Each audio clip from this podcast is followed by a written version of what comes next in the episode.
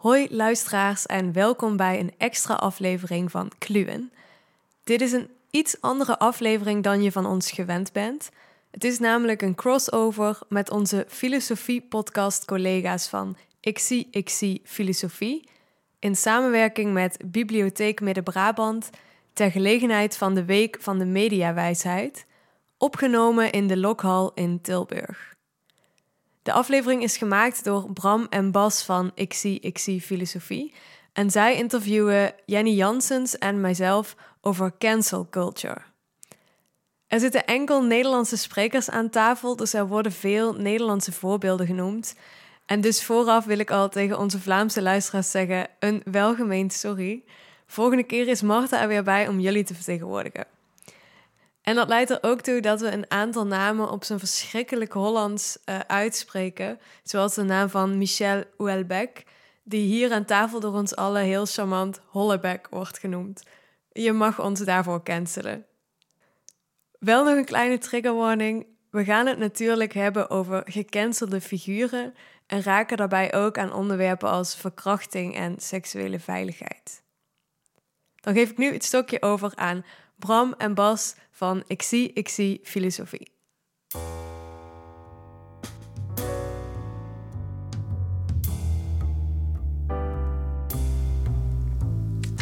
Hey en welkom bij een nieuwe aflevering van Ik zie, ik zie filosofie. We hebben vandaag wel een hele bijzondere aflevering, want we zijn niet met één, maar met twee gasten. We hebben Jenny, die is al een keer eerder bij ons geweest, en Lotte.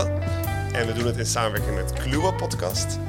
En dat doen we voor de Week van de Media Wijsheid, ook voor Lokhal Bibliotheek Tilburg.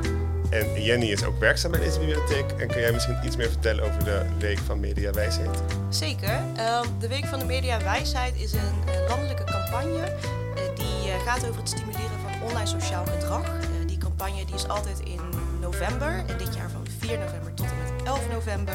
En ieder jaar heeft deze campagne ook een thema en dit jaar is dat thema Like and Cancel multi-interpretabel, maar, maar dat is het uh, waar het over gaat dit jaar. En daarom zijn jullie ook hier, want jullie zijn experts in cancelen. ja, ja, ja, dat ja. klinkt heel dubieus, maar... dus wie, uh, wie hebben we al gecanceld? Ja, poeh, waar moet je dan beginnen, ja. Ja, ik heb met uh, uh, Jenny onder andere een, uh, ja, een academisch paper geschreven over cancel culture. En daarin um, onderzoeken we eigenlijk wat cancelen nou precies is. En ook of het nou iets goeds of iets slechts is. Dat, dat hebben wij samen gedaan en we hebben uh, apart allebei ook nog wel uh, wat stukken geschreven over cancel culture. Um, dus ja. ja. En, en wat is cancelen? ja, we gaan er meteen diep in. Oké. Okay. Ja, ja. Um, ja, wat is cancelen? cancelen. Um, wat ik cancelen vind is een, een soort platform van iemand ontnemen. Dus uh, je cancelt iemand, je zorgt daarmee, of je doel daarmee is dat die persoon um, uh, misschien niet meer dingen kan zeggen of dingen kan doen. Dus als je bijvoorbeeld um, Kanye West cancelt, dan uh, luister je bijvoorbeeld niet meer naar zijn muziek. Dat kan zoiets zijn. Maar het kan ook zijn dat je vindt dat kan je West gewoon helemaal niks meer uh, mag zeggen op Twitter of zo. Dus dat kan heel veel verschillende manieren zijn. Maar um, al die manieren uh, hebben een beetje de overeenkomst dat, ze, dat je dus het platform van kan je West dan weg zou nemen of zo. Ja, ja. een beetje kort door de bocht, denk ik. Ja, maar misschien mag het nog wel korter door de bocht. Ik denk dat cancel culture ook altijd een beetje gedoe is op social media rondom een bepaald persoon ja. die dan een bepaald iets heeft gedaan. En dat kan van alles zijn en dat kunnen heel veel verschillende soorten personen zijn, maar er is gewoon een soort van hetze gaande. dat is denk ik. Ah, ja, Dat is abstract ook. Ja, ja, precies. Ja. En waarom dan, wat is het culture element erin? Ja, ik denk dat het culture element misschien um, meer een beetje om de hele sfeer eromheen gaat. Dat, uh, dat men tegenwoordig een beetje moet oppassen, eh, tussen aanhalingstekens, met wat je zegt. Of dat um, bekende mensen meer in de gaten worden gehouden. Of dat er soms dingen worden opgerakeld. Dat een beetje de cultuur is, dus de, de sfeer die er misschien gaande is op social media. Ja, mm ik vind het een beetje een soort uh, een, een, uh, een term voor uh, je mag ook niks meer zeggen tegenwoordig. -hmm. Zeg maar, dat, dat, dat voel ik erbij. Ja. ja. En is die cancel culture, is dat iets nieuws? Want zeg maar, je zegt gedoe rondom mensen en, het, en hetsen. Dat is niet iets nieuws, neem ik aan. Maar is cancel culture dan iets anders dan hoe het eerst vroeger was? Ehm, ik denk dat het anders is in de zin van eh, dat het nu plaatsvindt op eh, online platforms. Maar ik, ik denk dat het sinds mensheugenis al bestaat. Als je het dan hebt over heksenjachten, weet je wel. Of eh, überhaupt Schandpaal. eh, de schandpaal. Hè. Dat zijn dan metaforen waar cancel culture mee vergeleken wordt. Maar die metaforen komen natuurlijk ergens vandaan. Dus in dat opzicht denk ik niet dat het iets nieuws is. Maar het wordt nu ehm, op een soort van ander niveau gedaan. En misschien ook in een andere hoeveelheid. Omdat heel veel mensen eraan kunnen meedoen in één keer. Ja, ik denk dat dat heel belangrijk is wat je zegt. Er kunnen, zeg maar, het is nog niet zo heel lang dat iedereen eh, iets de wereld in kan gooien en dat iedereen dat dan kan zien. Eh, dus dat is wel een soort van versnelling of een soort sneeuwbaleffect, denk ik, wat tot cancel culture heeft geleid. Of in ieder geval tot dat begrip. Ja. ja, en ook omdat je op eh, social media begeef je natuurlijk altijd onder gelijkgestemden hè, in, je, in je filterbubbel, om het zo maar te zeggen. Dus eh, dat je dan misschien wat sneller mee wordt getrokken in zo'n Ja. hetsen. Nog dat woord, Ja, hetsen. toch? Ja, ja. Ja, het is best een mooi woord. ja, ja. En is het goed of is het slecht? Ja, ja. En nu gaan we natuurlijk eh, ellendig genuanceerd doen, want we zijn filosofen. ja. Ehm, ja, wij denken dat, dat cancel dus op heel veel verschillende manieren kan. En eh, je hebt volgens ons een slechte en een goede manier. Of in ieder geval, ehm, ja, la- laat het gewoon simpel houden. Een slechte en een goede manier. En ehm, over, het, over het slechte gedeelte heeft uh, Jenny een masterthesis ook gedaan. Dus misschien kan jij daar eh, ja. iets over zeggen. De, ja, de kritiek die je vaak hoort ehm, over cancel culture is dat het dus inderdaad zo'n heksenjacht is en dat het heel veel eh, negativiteit met zich meebrengt en dat het daardoor vaak een beetje zijn doel voorbij schiet. Ehm, en ik heb dat uitgelegd aan de hand van een theorie van Linda Ratzik. Die heeft een boek geschreven over ehm, sociaal straffen. En sociaal straffen vergelijkt ze met ehm, anderzijds juridisch straffen. Ja. Juridisch straffen, dus als je een, een overtreding hebt gedaan of een misdaad hebt gepleegd, dan kom je voor de rechter of dan krijg je een straf, want het staat in het wetboek. Er zijn allemaal autoriteiten die daar iets over te zeggen hebben. Maar ook als je je straf hebt uitgezeten of je hebt een boete betaald, dan ben je in principe weer cleared en dan mag je weer verder. Om het zo maar eh, kort door de bocht te zeggen. Maar met sociaal straffen eh, missen al die factoren. Dus dan, dan ehm, liggen er wat gevaren op de loer. Bijvoorbeeld de vraag wie mag er straffen? Dat is in het sociale of in het juridisch straffen heel duidelijk. We hebben de politie, we hebben handhavers, hè, eh, de, de rechter die er uiteindelijk iets over mag zeggen. Maar met sociaal straffen is die hiërarchie er niet. Er zijn de instituties er niet. Dus iedereen mag meedoen. Ehm, ja, wat eigenlijk best wel chaotisch is op een gegeven moment. Want iedereen heeft er wel iets over te zeggen. Waar is het debat? Waar is eh, de nuance? Ehm, ook heeft het juridisch straffen altijd, of in ieder geval vaak, een soort van doel. En dat is eh, het, eh, resocialiseren van iemand die iets heeft misdaan. Dus iemand zijn straf uit laten zitten en het daarna beter laten doen. Maar sociaal straffen is heel retributief. Dus dat gaat meer om, willen, om het straffen omwille van het straffen. Dat is retributief.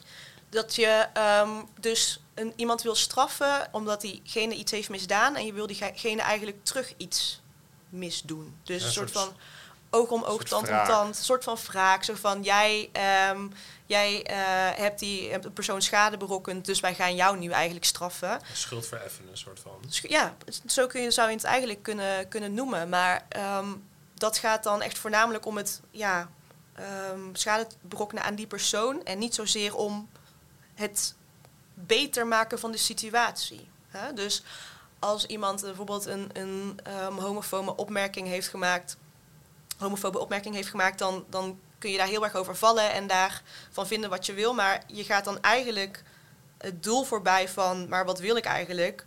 Ehm, homofobie de wereld uit helpen. En dat doe je niet door die persoon alle aandacht te geven, alle negatieve aandacht te geven.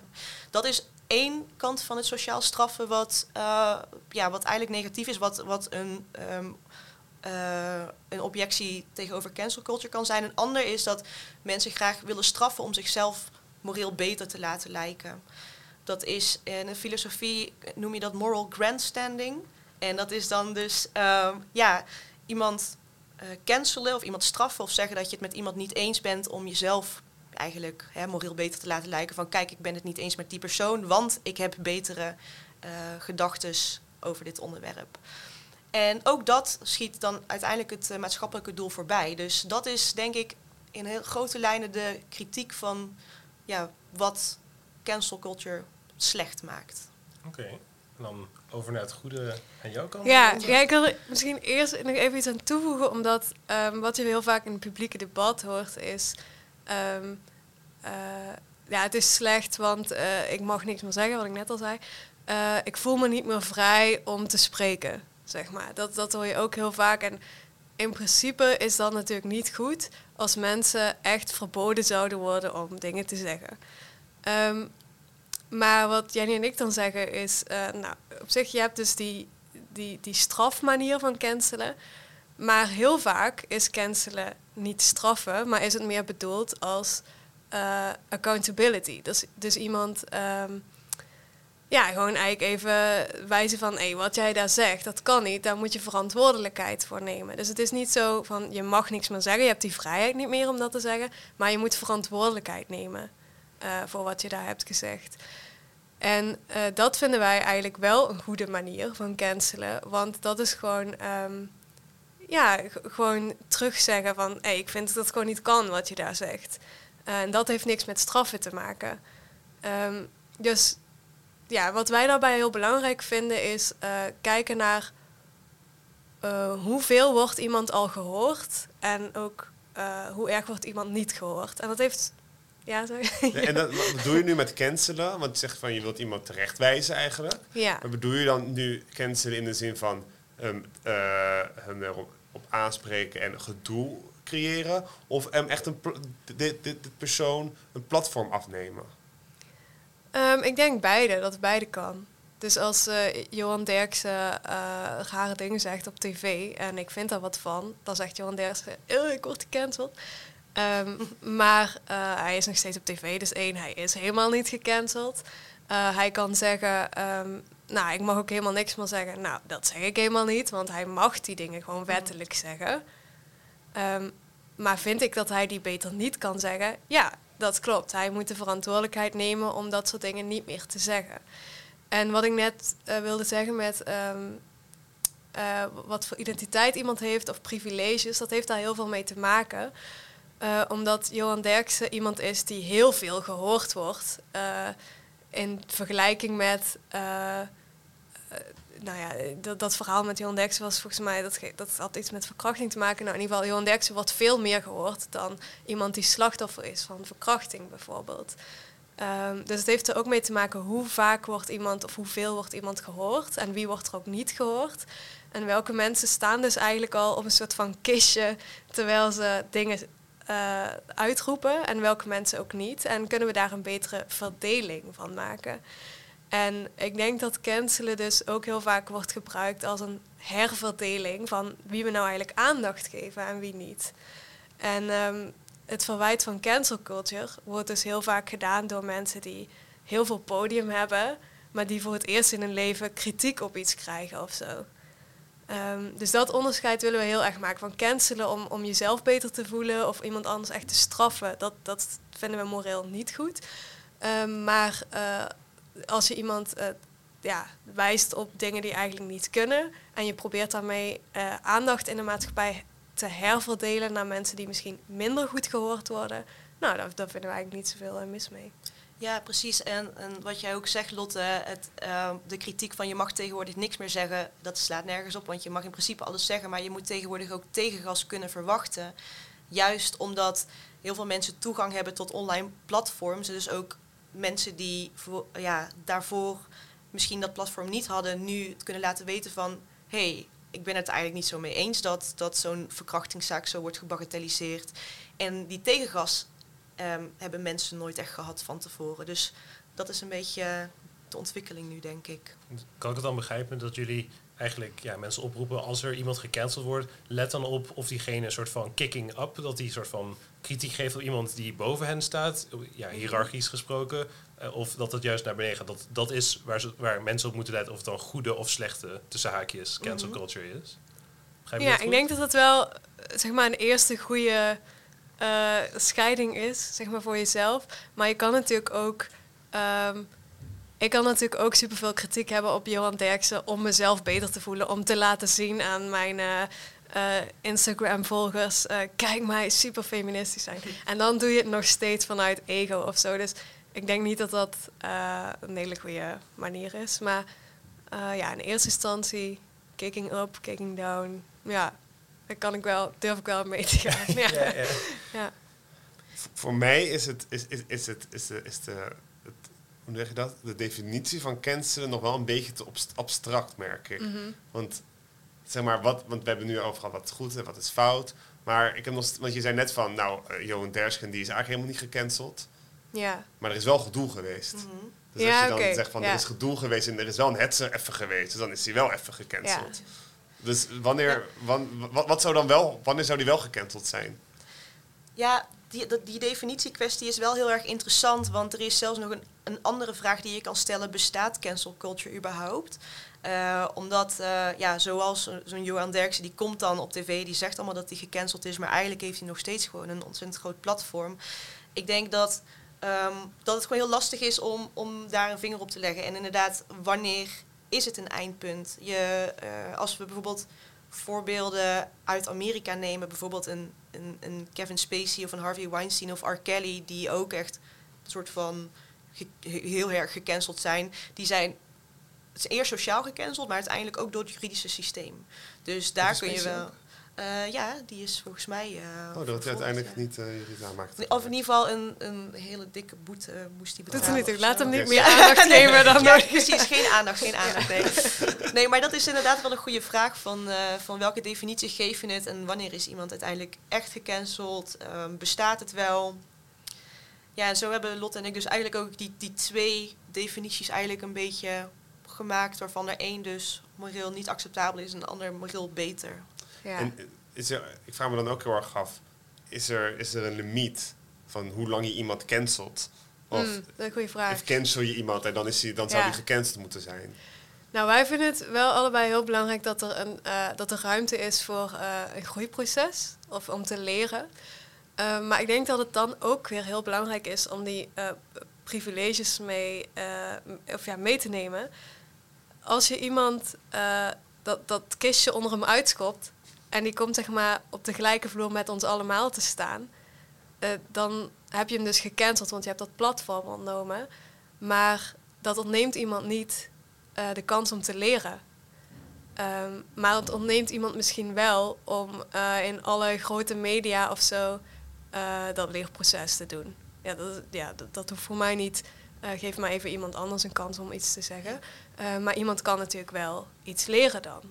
Eh, dus dat, dat verwijt, wat vaak wordt gedaan van ik ben gecanceld en er is helemaal geen ruimte voor groei. Nou ja, dat is er natuurlijk wel. Ehm, ik denk Harvey Weinstein, die hoeft niet per se meer films te maken om te leren van zijn fouten. Dus dat staat volgens mij los van elkaar. Ja. Een ander mooi voorbeeld van, van tijdens de coronatijd vind ik eh Famke Louise, die ehm te gast was bij Jinek, als ik het goed heb. En dat was toen een soort van beweging van Nederlandse artiesten die na de zoveelste lockdown boos waren omdat ze niet meer mochten optreden. Dus die hadden toen, eh, vanuit Busy was dat volgens mij, begonnen, hashtag ik doe het niet meer mee. En Famke Louise was toen naar voren geschoven als een soort van ambassadeur van die beweging. Maar ze had zich helemaal niet goed voorbereid. Dat is een zacht uitgedrukt. Ze zei een beetje domme dingen over corona. En dat ze respect had voor corona. Niemand snapte helemaal wat ze daar precies mee bedoelde. Dus die werd echt volop gecanceld door, door, om, haar uitspraken. Wat ik ook wel terecht vond. Want ik deed daarin ook best wel mee. Ehm, maar zij heeft die kritiek eh, tot zich genomen. En daarna heeft ze zich eigenlijk teruggetrokken. En ook ehm, op haar social media gevraagd of ze wat rust mocht hebben. Dat ze eh, het ging laten bezinken. Toen is ze met Diederik Grommers in gesprek gegaan. En die heeft daar eigenlijk soort van onderwezen in hè, de ernst van de hele pandemie. En waarom het wel goed is dat er een lockdown is. En toen heeft ze haar platform eigenlijk ingezet om ehm, ja, die hele fout weer recht te trekken. En te uiten waarom eh, zij fout zat ten eerste. Dus heeft ze excuses aangeboden. Maar ook om eh, ja, wat meer aandacht voor de hele pandemie onder haar volgers eh, te genereren. Dus ik vond in dat geval vond ik een heel mooi voorbeeld van iemand die zich wel ontcanceld heeft. En daar is ze volgens mij ook best goed uitgekomen ei- uiteindelijk. Er is, eh, ja, er wordt nog wel eens een grapje over gemaakt of zo, maar zij, zij heeft ruimte gehad om, om zich te beteren. En die heeft ze goed gebruikt. Speelt dan ook mee dat zij nog heel erg jong is? Dat denk ik wel, ja, dat denk ik wel. Dat ze heel erg jong is, ehm, dat ze daarin misschien wat flexibeler is. Want hè, Johan Derks is natuurlijk wel wat ouder bijvoorbeeld. Ja, ik weet niet waarom we de hele tijd op hem terugkomen. Maar het is Ja. gewoon echt een soort van fossiel in de Nederlandse tv-wereld natuurlijk. En Dat is denk ik hoe- ook de, de meest recente Ja. grote cancelzaak in de Nederlandse media. Ja, misschien wel. Ja, je hebt ook nog, ja, in ieder geval, ja, je hebt nog wel meer voorbeelden. Je hebt nog heel kleine, je hebt eh Ah ja, Wahib, Kleine. je hebt, eh, ja, Een heel- hoop, ja.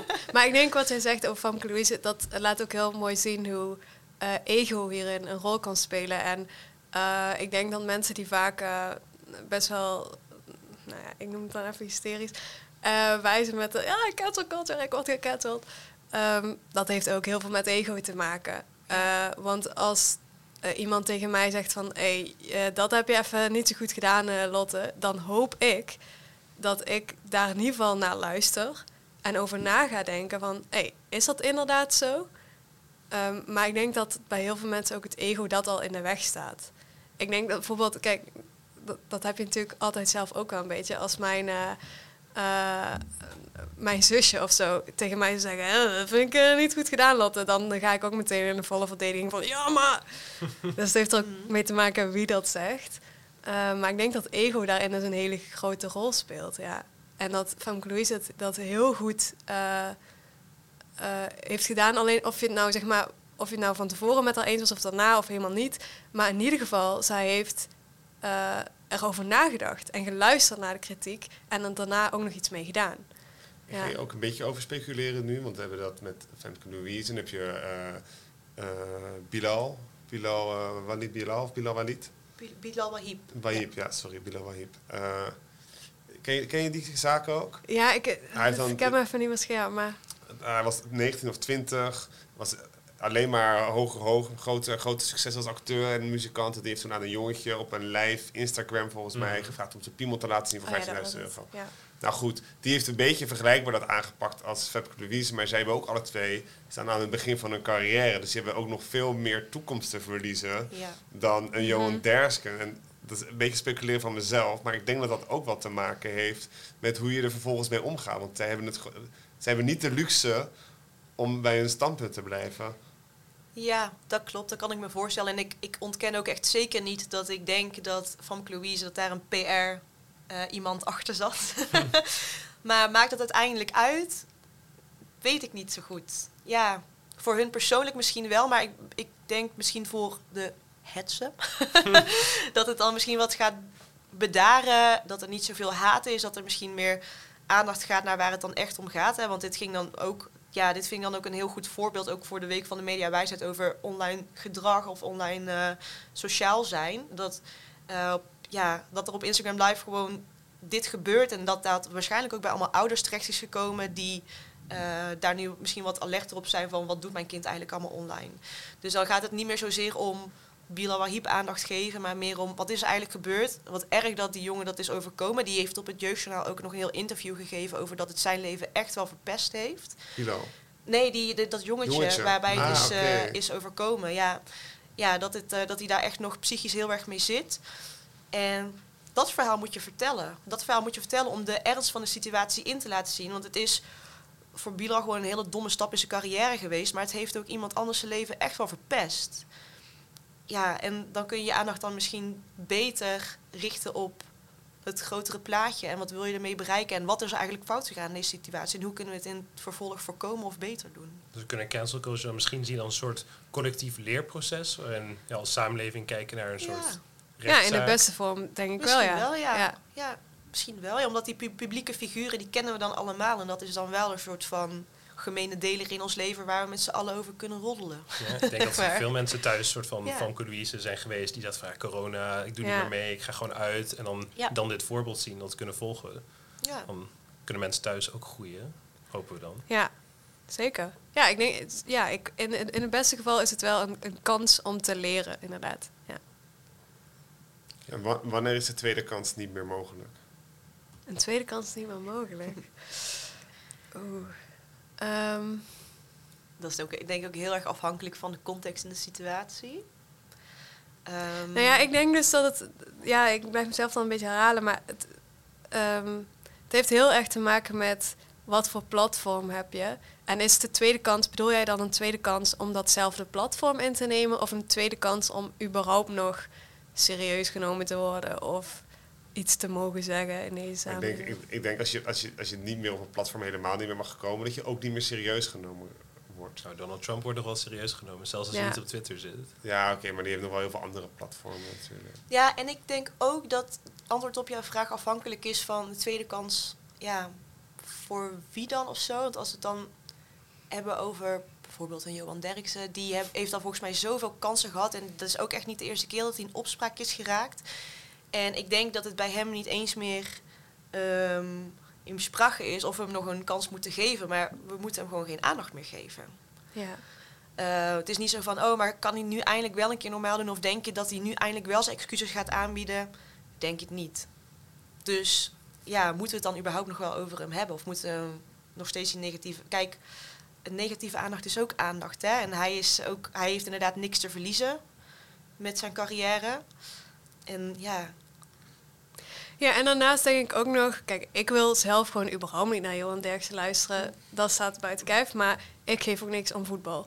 Dus Mhm. kijk, en hij weet veel van voetbal en hij is daar een expert in, prima. Ehm, dus je kan je ook nog afvragen van... Wat voor rol heeft iemand binnen de maatschappij? Nou, laat hem lekker over voetbal praten, maar niet over allemaal andere dingen.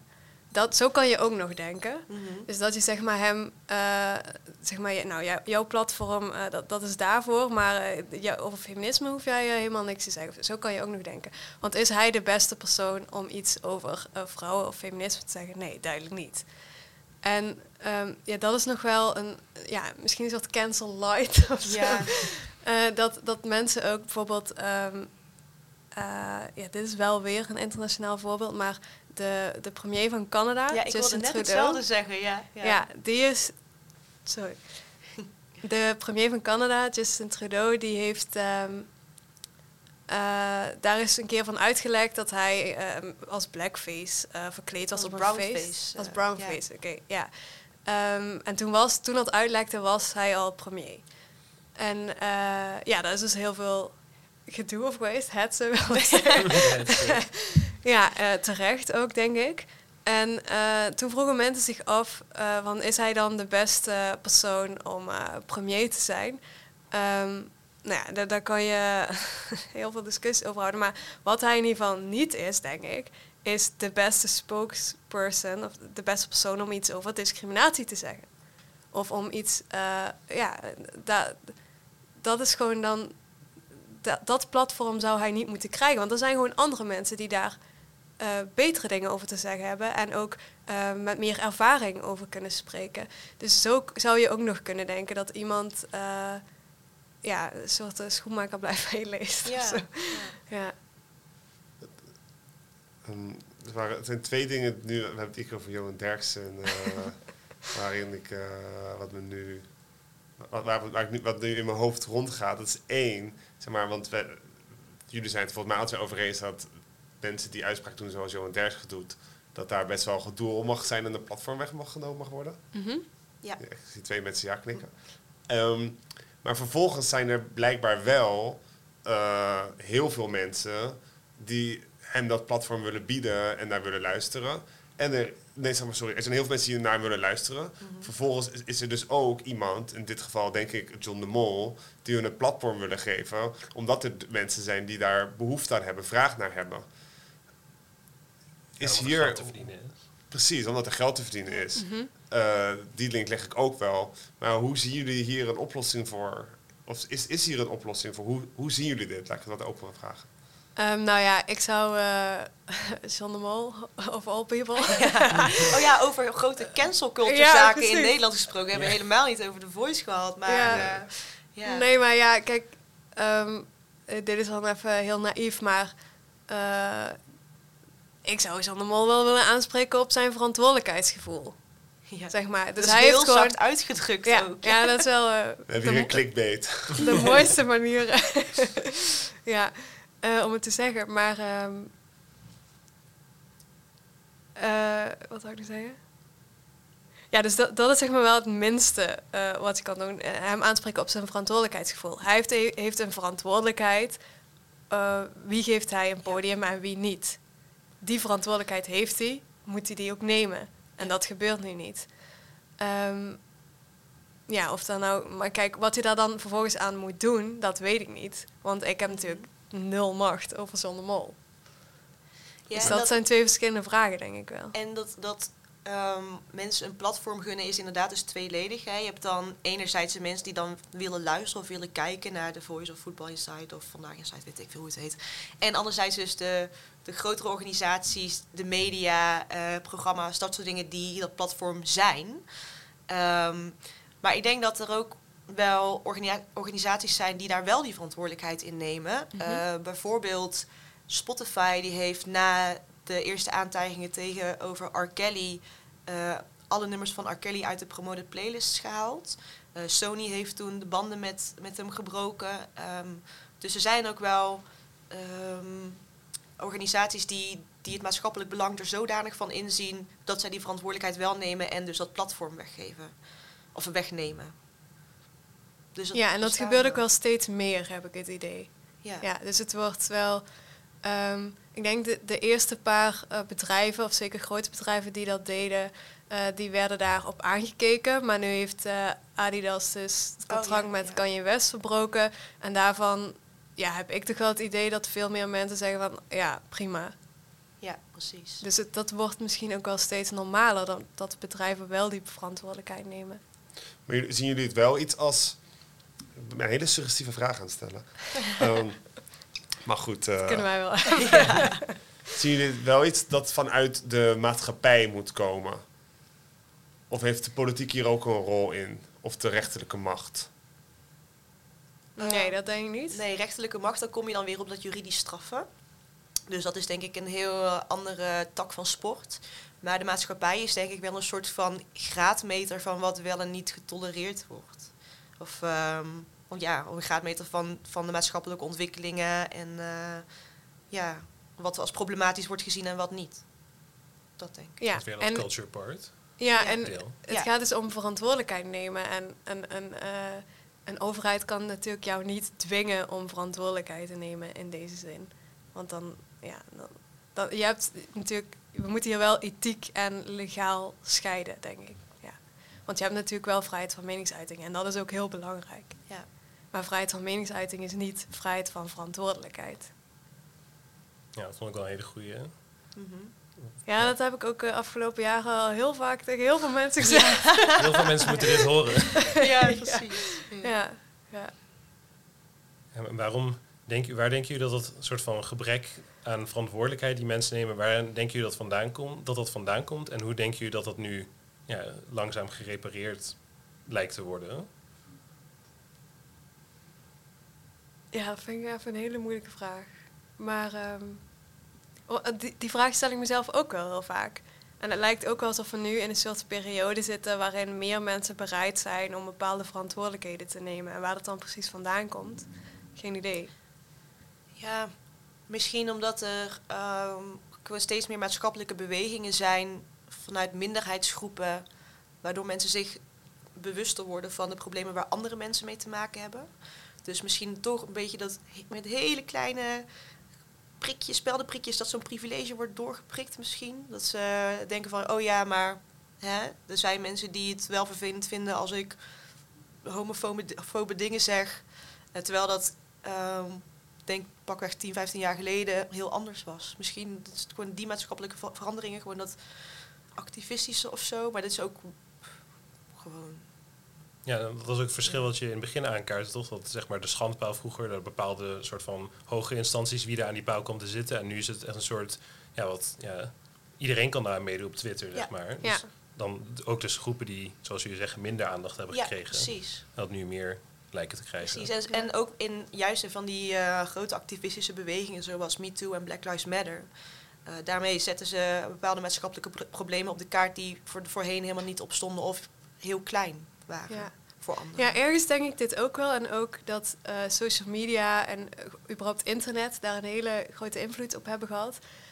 Anderzijds ehm, ik verdiep me ook best veel in uh, burgerrechtenbeweging van de jaren 60 en 70. En toen had je natuurlijk ook heel veel groepen die ook met elkaar in contact kwamen en op verschillende eh, thema's actie voerden. En ja, misschien is het toch een soort van ehm, golfbeweging of zo. Dat gewoon af en toe.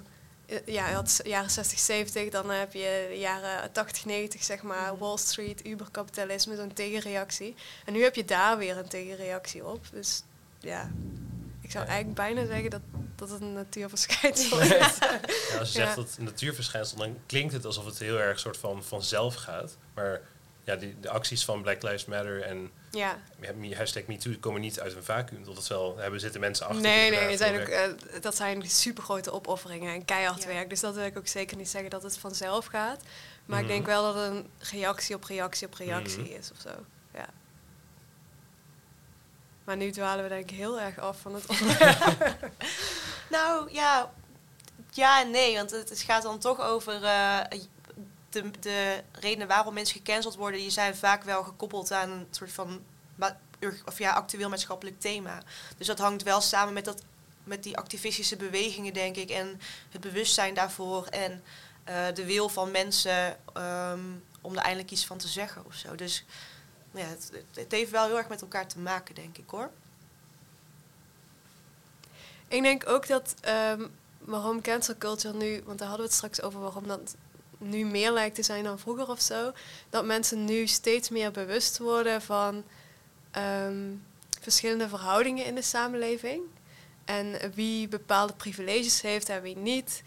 Ehm, en dat mensen ook steeds meer in gaan zien dat een platform om iets op te zeggen, eh, dat dat een privilege is en niet per se een recht of zo. Dus als iemand die zogenaamd gecanceld is, klaagt van ik mag ook niks meer zeggen, nou, dan, dan kunnen we met z'n allen zeggen van nou ja, dat platform is een privilege. Dat, dat, is niet, dat staat niet in de wet of zo dat jij dat mag hebben. Ehm, ja, dus misschien dat ook steeds meer mensen daardoor willen cancelen. Die vanzelfsprekendheid van kunnen spreken is dus nu minder Ja. publiek kunnen spreken. ieder dat is wel. eh, ja, dat, dat ik hier überhaupt door een microfoon mag praten, dat is ook een privilege natuurlijk. Ja. Ja. Ja, kun je er misschien kort wat uitleggen over wat het precies, wat betekent het dat iets een privilege is tegenover dat het een recht is? Het is misschien iets wat niet voor iedereen vanzelfsprekend is. Ja, dat vind ik wel een goeie. Ja. En ook niet van, vanzelfsprekend hoeft te zijn. Ik bedoel, natuurlijk niet iedereen hoeft eh, bij VI aan tafel te zitten. Dat, dat hoeft helemaal niet. Ja. Gelukkig niet. Ja, en dat zou wat zijn. Zo. Ja, en, en dat. Nodig mij alsjeblieft niet uit. Nou, nou. Eh, en dat je op een kistje staat op de een of andere manier. Ja, ja, precies. Dat kistje inderdaad. Ja. Ja. En misschien kan jij, Jenny, misschien nog wat meer vertellen over de Week van Mediawijsheid en cancel culture en hoe dat met elkaar verbonden zit. Ja, dus ehm, de Week van de Mediawijsheid is dus een landelijke campagne waar verschillende organisaties aan mee kunnen doen. En wij als Bibliotheek Midden-Brabant, die eh, doen daar ook aan mee. En ehm, net zoals verschillende andere bibliotheken, maar ook veel onderwijsinstellingen. En die kunnen allemaal op hun eigen manier aandacht besteden aan het thema like en cancel. Ehm, deze podcast is daar een manier van om, het, om het, de term cancelen, wat is cancelen, cancel culture, om dat een beetje uit te diepen. Eh, dat hebben we nu in de podcast gedaan, maar er komt ook nog een Instagram live, waar we mensen vragen om mee te denken over eh, eh, ja, bepaalde gecancelde personen in Nederland. Wat vinden we daarvan? Wat hadden ze beter kunnen doen? Wat hadden ze beter niet kunnen doen, bijvoorbeeld? En dat is uit mijn hoofd op ehm, donderdagavond 10 november. En op, via het Instagram-account van Bibliotheek Midden-Brabant. Dus dan kun je intunen. Daarnaast hebben we ook nog de mediastrijd. En dat zijn spellen die gespeeld worden tussen kinderen en ouders op de verschillende vestigingen. Die zie je dan ook op de, op de website van Bibliotheek Midden-Brabant. En dan kun je dus checken wie is er meer mediawijs, jij of je ouders. Daar zit ook een mooie prijs aan verbonden. En we besteden aandacht aan de campagne van Fonds Slachtofferhulp, de What the Fuck campagne. En die hebben een eh, campagne gemaakt die gaat over ehm, online seksueel misbruik. En die hebben een platform gemaakt waar je anoniem of met je naam je verhaal kan delen om zo te laten merken van je staat er niet alleen voor. Dit komt veel te vaak voor. En zij bieden tegelijkertijd handvaten voor en eh, slachtoffers, maar ook ouders van slachtoffers en betrokkenen van hoe ga je er uiteindelijk mee om. Dat is eh, onze Week van de Mediawijsheid. Oh, wat goed, hè? Ja, ja en die, die campagne dat is, wordt ook wel, dat is ehm, een virtueel kunstwerk. Wat ook in de Lokhal gaat draaien van 4 november tot en met 11 november in het Future Lab. En het is interactief. Je, je kan dan zo verhalen horen en zien van mensen. Het is wel een beetje een trigger warning bij, want er, er kan best wel heftige content voorbij komen. Maar het is om ehm, ja, aandacht te genereren voor het feit dat het veel te vaak voorkomt onder jongeren. En het wordt vaak verborgen of vanuit schaamte niet gedeeld. Dus uh, dat is de What the Fuck campagne. Ook weer aandacht uh, naar iets waar niet genoeg aandacht voor is geweest. Precies, ja. Cool. En we zijn best wel gelijk in één keer deze podcast met gestrekt been erin gegaan. maar Lotte, misschien kan je ook nog iets meer over jezelf vertellen. ja, um, ja, luisters van Kluwe kennen mij ondertussen wel al, denk ik. Maar um, ja, ik maak dus onder andere podcast Kluwe, filosofische podcast, uh, waarbij we elke aflevering een thema bespreken, zoals nu cancel culture.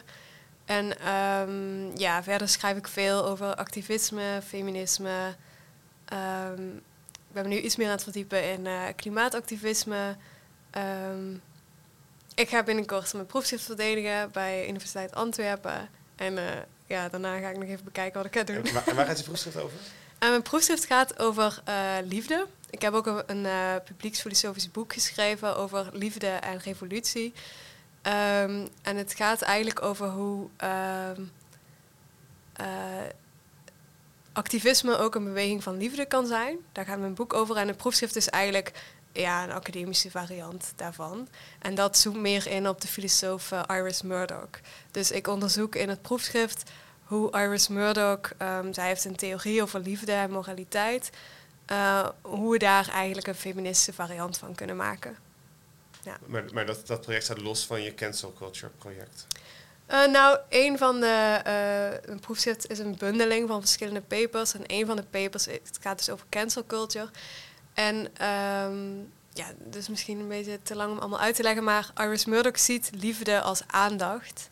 En het gaat dus over hoe kan aandacht en activisme, hoe gaat dat samen? En zo komen we dan bij cancel culture als, uh, ja, eigenlijk als voorbeeld casus of zo terecht. En zie je cancel culture ook als een vorm van activisme? Ja, dus de, een van de manieren waarop je kan cancelen, is die herverdeling van aandacht, dat zie ik wel als een vorm van activisme, ja. Ja, omdat je daar dus, uh, je kijkt heel erg naar wat voor platform heeft iemand, uh, wordt, wie wordt gehoord, wie niet, en hoe kunnen we zorgen dat dat beter verdeeld wordt. ja, ik zie jullie uh, in de verte staren. nee, ja, cool. cool. Ja. Ik, had zelf, ja, ik had zelf nog nooit bij nagedacht dat cancel culture een vorm van activisme is. Ja, ook die, die soort van hoek van dat je het ziet als een herverdeling van aandacht vind ik heel interessant. Zo ja, had ik nog niet eerder naar gekeken. Mensen die misschien onterecht te veel aandacht hebben gehad vanuit die ja. zelfsprekendheid. Nou, daar hebben we het eigenlijk helemaal niet over gehad, maar dat is misschien wel belangrijk om te zeggen. Uh, cancelen komt eigenlijk van Black Twitter. Dus het komt eigenlijk uit de zwarte gemeenschap, die uh, zeker in de Verenigde Staten um, heel weinig platform krijgt. Als je daar kijkt naar uh, reguliere programma's of zo. Ja, in Nederland ook totaal niet hoor. Maar, um, en het was eigenlijk een manier vanuit de zwarte gemeenschap om uh, ja, aandacht zelf op te eisen. En ook te zeggen van ik ben het hier gewoon niet mee eens. Dus eigenlijk een manier om zichzelf wel te laten horen.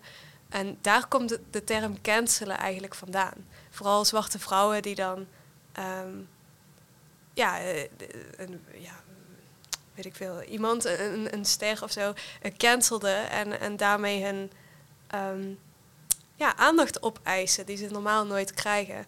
En dat zie je natuurlijk wel vaker met termen die zijn dan vaak bedacht door zwarte vrouwen of zwarte transvrouwen en die worden dan uh, ja, geclaimd, geclaimd ja. door Wat alle Black anderen. Twitter? Black Twitter. De zwarte Twitter. Ja, dat, dat is gewoon Twitter, maar Ja. eh, zeg maar de zwarte gemeenschap op Twitter. Ah, dat oké, noem- dat dat was- noemen mensen Ah, Black oké, Twitter. dat wist ja. ik niet. Oké, Ja, nee, ja. Het is gewoon. Twitter. oké. ja, ja. Makes sense. En daar komt vandaan. En wa- welke periode vandaan. is het? Begin van Twitter of niet? Eh, ja, volgens mij wel. Ja, weet ik eigenlijk niet helemaal zeker. Maar volgens mij, ja, volgens mij, zodra Twitter bestond, zaten er ook zwarte mensen op Twitter. Dus Ja, ja, zeker. Ja. En wat je net zei, eh, Bas, dat jij eh, cancel culture eigenlijk nooit als activisme ehm, heb beschouwd. Dat is wel interessant, want dat is ook een kritiek die veel gehoord wordt over cancel culture, dat het selectivism is. Dus een soort van activisme vanuit je luie stoel zonder eigenlijk daadwerkelijk bij te dragen aan, aan ja, het grote verhaal. Dus dat je ehm, ja, vanuit je luie stoel achter je laptop of je telefoon of wat dan ook je negatief uitlaat over een persoon en daarmee dus jezelf moreel beter probeert te maken. Dus dat is wel grappig, grappig dat je dat zei. Is het wel activisme? Nou, heel veel mensen vinden dus van niet. Ja, ik, Ja. ik weet niet of ik het vind hoor. Ik had er gewoon nog niet zo over nagedacht. Ik denk dat er ook heel veel parallellen zijn met de MeToo-beweging. En dat, het, dat cancel culture, zeg maar, een ehm, verzamelnaam is geworden waar MeToo ook onder valt. Ja, precies. Want ik, Ja. ik, na- ik eh, haalde net dus ook Harvey Weinstein en Kevin Spacey en R. Kelly aan. en- Maar dat is eigenlijk vanuit de MeToo Ja. En beweging. ook hashtag MeToo is net als hashtag cancelen vanuit zwarte vrouwen gecoind eigenlijk die term. Maar daarna zeg maar door heel veel mensen gebruikt. Maar die, die vrouwen krijgen dan nooit de credits. Dus bij deze shout-out. Ja. Goed dat gezegd wordt. Ja. ja. Dus ja, wat denken jullie daarvan? Is het een vorm van selectivism? Is het makkelijk, te makkelijk voor, om activisme te zijn? Of, is, of zien we dat al verkeerd? Nee, ik denk dat het voor sommige mensen gewoon echt de enige manier is om van iets van zich te laten horen. Ehm, kijk, ik kan een eh, opiniestuk schrijven en dan als ik heel veel geluk heb, eh, komt dat eh, in de krant of zo. Maar voor sommige mensen is dat natuurlijk totaal niet haalbaar. En dan is Twitter de enige manier waarop je je mening kan laten horen over iets. Ja, En misschien is het vanuit één persoon wel een soort van selectivism. Maar als je je dan met z'n allen bundelt over een bepaald onderwerp of een bepaald persoon, dan is het misschien wel meer ehm, ja, eff- effectief activisme. Hmm. Misschien. Ja, echt het samenkomen maakt Ja. dat dan effectief in plaats Ja. van iemand die dat vanuit zijn stoel doet. Ja. ja maar volgens mij hoeft dat nog niet eens of zo. Waar, iemand waar we het nog niet over hebben gehad is J.K. Rowling. Oh ja. Ehm, en zij, eh, daar hebben ook, zij wordt ook heel vaak genoemd in het, als we het over cancel culture hebben. Zij heeft eh, eh, transfobe dingen gezegd en daar hebben dan heel veel eh, transvrouwen ehm, ja, eh, over getwitterd van cancel eh, J.K. Rowling. En zij voelt zich dan gecanceld, maar zij heeft nog steeds, eh, de- volgens mij, eh, 14 miljoen volgers op Twitter of zo. Dus ja, ze heeft nog steeds gewoon een heel groot platform. En het is gewoon En Onzin. films worden ook gewoon nu in de bioscoop eh, massaal bezocht. Ja, ja, precies. Dus zij heeft nog steeds een heel groot platform. En ik denk zelfs al zou maar één eh, eh, transvrouw eh, of transpersoon eh, hebben gezegd eh, cancel J.K. Rowling, dan nog steeds vind ik dat activisme of zo. Het hoeft niet per se een Ja. groep te zijn. Dat is waar. En ergens anders waar we het niet over gehad hebben, waar ik nog heel benieuwd naar ben, is eh, zoals J.K. Rowling, en net had het ook over de, maar er waren dan meer MeToo-cases zoals eh, R. Kelly. Die zijn zowel kunstenaar en maker als publieke figuren. En eh, is er ook nog een verschil in het cancelen van iemands opinie als publieke figuur en iemands kunst? Dat is ook weer een hele podcast op zich, Bas. Ja, ja. Ja, sorry. Eh, ik heb dus mijn bachelorscriptie geschreven over de vraag... wat moeten we doen met het werk van immorele artiesten? En ehm, daarin concludeer ik dat we kunst en de kunstenaar niet van elkaar kunnen scheiden. Eh, en dat wil dus ehm, ook zeggen dat als een kunstenaar immoreel is... dan hoeft op zich het werk niet per se immoreel te zijn... maar met het ehm, consumeren van dat kunstwerk ehm, support je de kunstenaar toch op de een of andere manier. Al is het op een soort van eh, ja, psych- psychisch vlak, zeg maar, of eh, financieel. Hè? Je zorgt ervoor dat die persoon op dat kistje staat. Dus daarin pleit ik wel van, ehm, als je de keus hebt tussen het consumeren van een kunstwerk van een immorele artiest en een artiest die moreel niet zo ja, niet discutabel is, dan kun je best kiezen voor die andere persoon. En als iemand dood is? Dat is ook heel moeilijk. Dit is echt, echt voer voor een andere podcast nog wel. Maar die, dat is natuurlijk ook eh, ehm, een, interessant vraagstuk. Met bijvoorbeeld Michael Jackson. Maar je hebt bijvoorbeeld ook Picasso, Caravaggio. Dat waren ook niet allemaal... Maar ook Eh, Ja, wie niet? is ook Ik gewoon Ja. antisemiet. Ja, maar precies. ik denk wat je daarnet zei, dat het heel belangrijk is dat we vaak eh, inzoomen op die ene persoon. Wat moeten we met die ene persoon doen? Ehm, maar ik denk dat veel vaker de vraag zou mogen zijn van... oké, we hebben één spot om hier één kunstwerk neer te hangen. Precies. Je hebt eh, duizenden mogelijkheden. Wil je dan echt die ene persoon kiezen? Ja, dit Kom gaat op. dus weer over die herverdeling van aandacht Ja. uiteindelijk. Want dit vraagstuk kwam in me op toen ik jaren geleden nog wel eens radio maakte op een, een lokaal platform waar Lotte en ik elkaar van kennen Ja. overigens. Uithouden. Ja, maar daar, eh, daar maakten we altijd zelf de playlist. En daar kwamen nog wel eens namen voorbij waarvan we dachten... oef, kan dit nog wel? Maar ja, als je die vraag gaat stellen... dan zijn er zoveel andere artiesten... die wel gewoon kunnen zonder die vraag erbij te hoeven stellen. En daarmee hoef je ze niet totaal uit de kanon te schrappen... of te censureren of wat dan ook. Maar je kan er zelf wel voor kiezen... wil ik de- degene aandacht geven of in mijn geval dan airplay. Dus ja, dat is die herverdeling van aandacht weer... waar het... eh, Dus je mag, kan gewoon cancelen. Ja hoor, ja. Gewoon, gewoon immorele artiesten Ja, cancelen. dat mag zeker. Ja. Ja, ik denk dat- dat je het dus niet zo per se eh, zo bewust cancelen hoeft te noemen. Maar ehm, als, er, als je inderdaad een problematische artiest of iemand hebt of zo. ehm, ja, om, dan toch nog even over de Universiteit Antwerpen te hebben. eh, daar was, ehm, eh, werd laatst een, eh, een politicus uitgenodigd eh, die niet zo'n chique denkbeelden had. En ehm, daar, wordt dan, daar was heel veel... Wie was dat? Ehm, ja, ik wil er verder niet zo echt Ah, op ingaan, maar, eh, want dat geeft hem ook weer aandacht.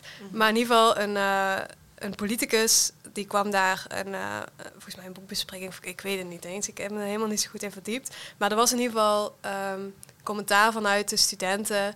eh, ja, wat doet die man hier? Want die heeft gewoon denkbeelden waar wij niet achter staan. Nou, en andere mensen zeiden, nou, je hebt vrijheid van meningsuiting, bla bla bla. Maar ik denk dan, en heel veel anderen gelukkig ook, als je iemand kiest om daar een lezing te geven, waarom dan die persoon? Je hebt zoveel andere keuzes. En dat vind ik moeilijk in het cancel culture debat. Dat we heel vaak inzoomen op ehm, wat moeten we met deze persoon doen. Eh, want dan blijf je bij die ene persoon. En die persoon moet inderdaad een leerproces kunnen hebben. Of en die heeft vrijheid van meningsuiting. Dan zit je daar allemaal mee. Maar de makkelijke oplossing is gewoon uitzoomen. En kijken van wie is er allemaal nog meer op deze wereld. En wie heeft er iets leuks te vertellen of iets nuttigs. Of iets Dat zie je ook veel aan talkshowtafels. Hè? Dat er eigenlijk altijd wel controversiële mensen aanschuiven over een bepaald thema. Dat is natuurlijk ook voor de clickbaits en de views en, en de controverse die daaruit ontstaat. Maar er zijn zoveel andere opties. Ja. Ik vind het wel moeilijk, moet ik zeggen. Ja? Ja, als het gaat dan, dan als, ik moet dan gewoon heel snel denken aan literatuur. En je hebt gewoon best wel veel, zeker dode schrijvers, maar ook nog wel levende schrijvers die wel gewoon uitzonderlijke talenten zijn. Zoals Ho- Holebeck uit, uit Frankrijk. Eh, ja, moeten we, moeten we zulke uitzonderlijke talenten dan, dan soort van monddood maken, omdat ze ook... Nee, dat, Nou, ik denk eh, sowieso. Ik vind die man niet leuk. Dat wil ik even gezegd hebben. Ehm, Hey, ik hoef ook niet helemaal nee, nee. puur man. Nee, precies. Maar kijk, eh, ik denk niemand verbiedt jou om Holleback thuis te lezen. En eh, ik denk ook zelfs dat ik dat thuis zou mogen doen. Zo, dat wil ik niet, maar dat is een persoonlijke keuze. Maar wil je iemand een platform geven? Dat is volgens mij de vraag. Dus het is niet zo van dat ik wil dat die man helemaal geen boeken meer verkoopt. Kijk, ik ben het dan niet mee eens. Dus voor mij hoeft hij geen boeken te verkopen. Mij interesseert voetbal niks, dus voor mij hoeft Johan Derksen niet op tv. Maar dat is mijn persoonlijke keuze. Maar wil ik die mensen een platform geven, dat is wel een andere verantwoordelijkheid. Maar stel je voor dat Nietzsche nu zou leven bijvoorbeeld. Ja, dan zou je hem geen platform willen bieden misschien. Want hij had best, best, best wel een controversieel persoon. ja dat klopt. Maar wel een heel intelligent en iemand die wel wat toevoegt aan het filosofische debat, toch? Zeker. Maar ik denk, ehm, om het dan weer even breder te trekken. eh, kijk, ik zal nooit ontkennen dat Nietzsche geen nuttige dingen toegevo- toegevoegd heeft aan het debat. Maar in zijn tijd, hoeveel mensen waren er die iets nuttigs toe hadden kunnen voegen aan het debat? En hoeveel daarvan ken jij die vrouw zijn, of niet wit, of homoseksueel, et cetera, et cetera, et cetera. Dus zijn opvattingen, en natuurlijk niet alleen van hem, hij is niet de boosdoener van die tijd of zo, maar dat soort opvattingen, die hebben er wel voor gezorgd dat heel veel mensen ook geen platform hebben kunnen krijgen. En dat vind ik daar lastig aan. Kijk, dus sommige ideeën vind ik wel goed, eh, denk ik. Ehm, zeg maar, sommige ideeën staan in ieder geval los van zijn eh, problematische ideeën misschien. En ik ben er ook niet tegen als die worden onderwezen of zo. Maar de vraag is en blijft voor mij, wie wordt er dan niet gehoord? Ja, dat, dat snap ik. Maar ja, ik, ik ben dan misschien iets te naïef hierin nog steeds. hoor. Maar ik heb dan Nou, een soort niet. van eh, de, de hoop dat, dat, dat die ook gehoord worden.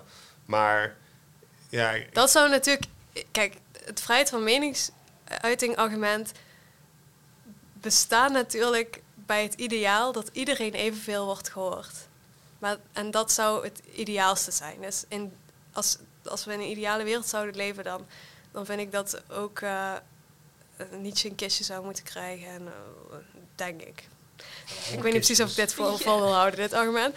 Maar in ieder geval dat iedereen eh, een kans krijgt om iets te zeggen. Dat is de ideale manier. En dan kan je een discussie houden over bla bla bla. Maar sommige, ehm, sommige ideeën, eh, bijvoorbeeld Hollebeck, eh, die schrijft dingen ehm, waarvan sommige mensen die dat lezen gaan denken dat ik hier niet zou mogen zitten. Dat ik achter een aanrecht zou moeten staan. Kijk, daar kan ik het natuurlijk niet mee eens zijn, want dan zou hij altijd meer aandacht krijgen eh, dan ik. Zeg ik dat niet goed? In ieder geval, zijn ideeën zouden altijd meer aandacht krij- krijgen dan vrouwen. Maar Hodebeck is beschrijft ook fictie, hè? Ja, daar kunnen we het heel lang over hebben, denk Ja, in ik. ieder Maar, geval de diepte niet. Ja, sorry, misschien moeten ja, we... nee, maar ik, ik denk, het blijft een verantwoordelijkheid. Eh, Hoeveel verantwoordelijkheid heb je dan bijvoorbeeld als lezer van, laten we zeggen, Hoele- Hoelebeck, ik weet niet hoe je dat uitspreekt, maar moet je dan eerst zijn hele geschiedenis kennen voordat je begint aan zo'n boek? Zeg maar, hoe ver moet je daarin gaan? Poeh, dat vind ik een moeilijke vraag.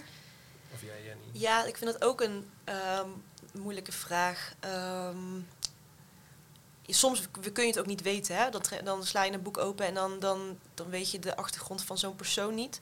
Maar ik heb het tijdens mijn studie filosofie altijd bijvoorbeeld wel kwalijk genomen. eh, of in ieder geval vond ik het altijd wel apart dat er bijvoorbeeld nooit iets over die achtergronden van Nietzsche of van bijvoorbeeld Heidegger werd gezegd. Die, wat ook best wel controversieel was. Of dat werd zo heel erg tussen neus en lippen doorgezegd, weet je wel. Maar ik denk dat als je het als je zo'n organisatie bent of je gaat het mensen onderwijzen, dat je dan wel die verantwoordelijkheid hebt om die context te bieden ook. En dat vind ik bijvoorbeeld ook bij ehm, bepaalde musea misschien. Ehm, of eh, op Spotify. Je hebt bijvoorbeeld eh, de band Lost Prophets, die eh, een tijd geleden echt met verschrikkelijke nieuws in, ja, verschrikkelijke daden in het nieuws zijn gekomen, omdat die, eh, die leadzanger was pedofiel en verkrachter. En die wil je ook gewoon echt niet meer luisteren, zeg maar. Terwijl het een hele populaire band was. Maar als je op Spotify naar hun profiel gaat, dan lees je daar niks over. En dan denk, dan denk ik ook wel van, ja, maar is dat dan expres het weglaten? Of zijn ze vergeten dat erop te zetten? Dus ja, ik weet niet. Mhm. Een deel van die verantwoordelijkheid ligt ook bij het platform Bij dat het geboden wordt, niet alleen bij de gebruikers. Ja. Dat Ja. denk ik wel. Ja. Ik denk wel dat je dat bijvoorbeeld in filosofieonderwijs steeds meer ziet. Dat bijvoorbeeld als er een les wordt gegeven over Kant, dat je dan ook, wat je ook bij eh, hedendaagse schrijvers doet, je, je eh, geeft een les over een filosoof en dan geef je ook secundaire literatuur van mensen die het daar niet mee eens Ja. zijn, om het te vergelijken. Zeg maar. En ik, ik vind het wel heel goed als dat steeds meer wordt gedaan bij de grote filosofen, zoals Kant, Nietzsche, et cetera. Dat je ook een paper daarna dan eh, les geeft of laat lezen eh, van het racisme in Kants werk. En je hoeft dan niet per se te zeggen alles wat Kant zei is bullshit, maar je hebt wel iets van context. Context, ja. Ja. Nog- even een dikke shout-out naar Martine Prangen, die geen moment eh eh, onbenut liet om even duidelijk aan te geven dat Kant en niets wat allemaal Ja. mis met hem was. Om Oh, ja? vervolgens ook te vertellen wat ze wel al niet allemaal van hen had geleerd. Ja, Ja, ja. Ja. Oké, Ja, dat, dat is wel een goed. Ik moet dan ook denken aan ehm, de keer. Ik heb een, toegepaste ethiek gehad tijdens mijn studie. En toen eh, behandelden we eh, Aristoteles over vriendschap. En hè, intrinsieke vriendschap. En instrumenteel. Of moet het een means to an end of een end zijn. Eh, maar dat daar dat het wel werd benadrukt van. Maar hij zag dat dit alleen maar. Hij vond dat dit alleen maar kon bestaan tussen mannen. Vrouwen die, die waren niet, niet waardig genoeg om überhaupt een vriendschap te kunnen hebben. Toen dacht ik, maar het is zo'n mooie theorie. En dan zeg maar, die side note maakt heel die theorie voor mij ook meteen heel vreemd of zo. Ja. Dus Ja. die context is wel heel belangrijk. Ja, ja, ook om het dus nuttig te maken, om bruikbaar te maken, moet je weten waar, in welk framework het bedacht is, om er Ja. nu weer iets mee te kunnen. Ja. Dus we moeten niet mensen cancelen, maar moeten, of ja, mensen zoals Aristoteles als voorbeeld niet per se cancelen, maar wel context daarbij scheppen. En dat is dus verantwoordelijkheid van de mensen die hem onderwijzen aan leerlingen. Ja. Ja, en ik denk bijvoorbeeld, stel eh, je geeft filosofie en je hebt tien weken, tien lessen. Ehm, dan heb je ook een verantwoordelijkheid volgens mij om die dan niet te vullen met eh, week 1 Socrates, 2 Plato, 3 Aristoteles, Nietzsche, Kant, Heidegger, bla bla bla. En dan geen Hannah Arendt of eh Ernst Komp of eh, hedendaagse eh, zwarte filosofen, eh, de queer filosofen. Kijk, je hebt, dat is niet per se de vraag van moet je Heidegger kennen. Dat is meer de vraag van dus, ik herhaal mezelf een beetje, wie wordt er niet gehoord en geeft die ook een platform. Ja. Er was toevallig onlangs de kanon herzien, maar dat was een best wel zwakke herziening volgens mij. Een officieel eh, iets? De, de filosofische kanon is afgelopen jaar herzien, dacht ik. Oh, echt Ik waar? een artikel over gelezen in het NSC, maar Oh. dat viel... Dat, Nog steeds witte best wel een gefaald project. Oh. Oké. Ik ben niet Ja, nog steeds voornamelijk dezelfde namen terugkomen. Ja. Ik zal het wel doorsturen. Ik denk dat het ook een project is van lange adem. Ik bedoel, als jij eh, al 40 jaar les geeft over Kant, dan is het ook wel moeilijk om daar ineens een heel andere visie eh, eh, over ja, nou ja, te doseren of zo. Maar dat ontneemt je niet van de verantwoordelijkheid om, dat wel, om wel die richting op te gaan, denk ik. Ook weer dat uitzoomen. Het gaat dan niet om de persoonkant, maar om wat je dus niet hoort. Om weer jou te herhalen. Ja, ja zeker. Ja. Het is gewoon heel veel verantwoordelijkheid eh, Ja. nemen. dat is Ja. volgens mij de clue. Ja. Geen vrijheid zonder verantwoordelijkheid. Ja, en het is ook denk ik wel een... Kijk, ik kan hier eh, dingen roepen of zo. Ik, ik heb er al even over nagedacht met Jenny, maar... ehm, ik denk, het is ook gewoon een, een, een modderige bedoeling. Iedereen probeert ook maar wat en dat is ook prima. Ehm, maar wat me tegenstaat in het hele cancel culture... is dat mensen vooral naar elkaar met vingers wijzen... en niet zozeer naar zichzelf. Ehm, terwijl daar, we hadden het straks over cancel culture als, als eh, nou ja, mogelijkheid om te leren... Eh, dat, dan moet je wel ook even naar jezelf durven kijken van, oh, oh, wat heb ik eigenlijk gezegd? Wat denk ik eigenlijk? Klopt dat nog wel? En daar een conclusie uittrekken. Niet te veel ego erin hebben. Ja, precies. Ik vind het een mooi eind, eh, Lotte. Ja. Dank jullie wel voor jullie, eh, voor jullie eh, meningen en visies. Ja, heel erg bedankt. ja, bedankt voor het luisteren.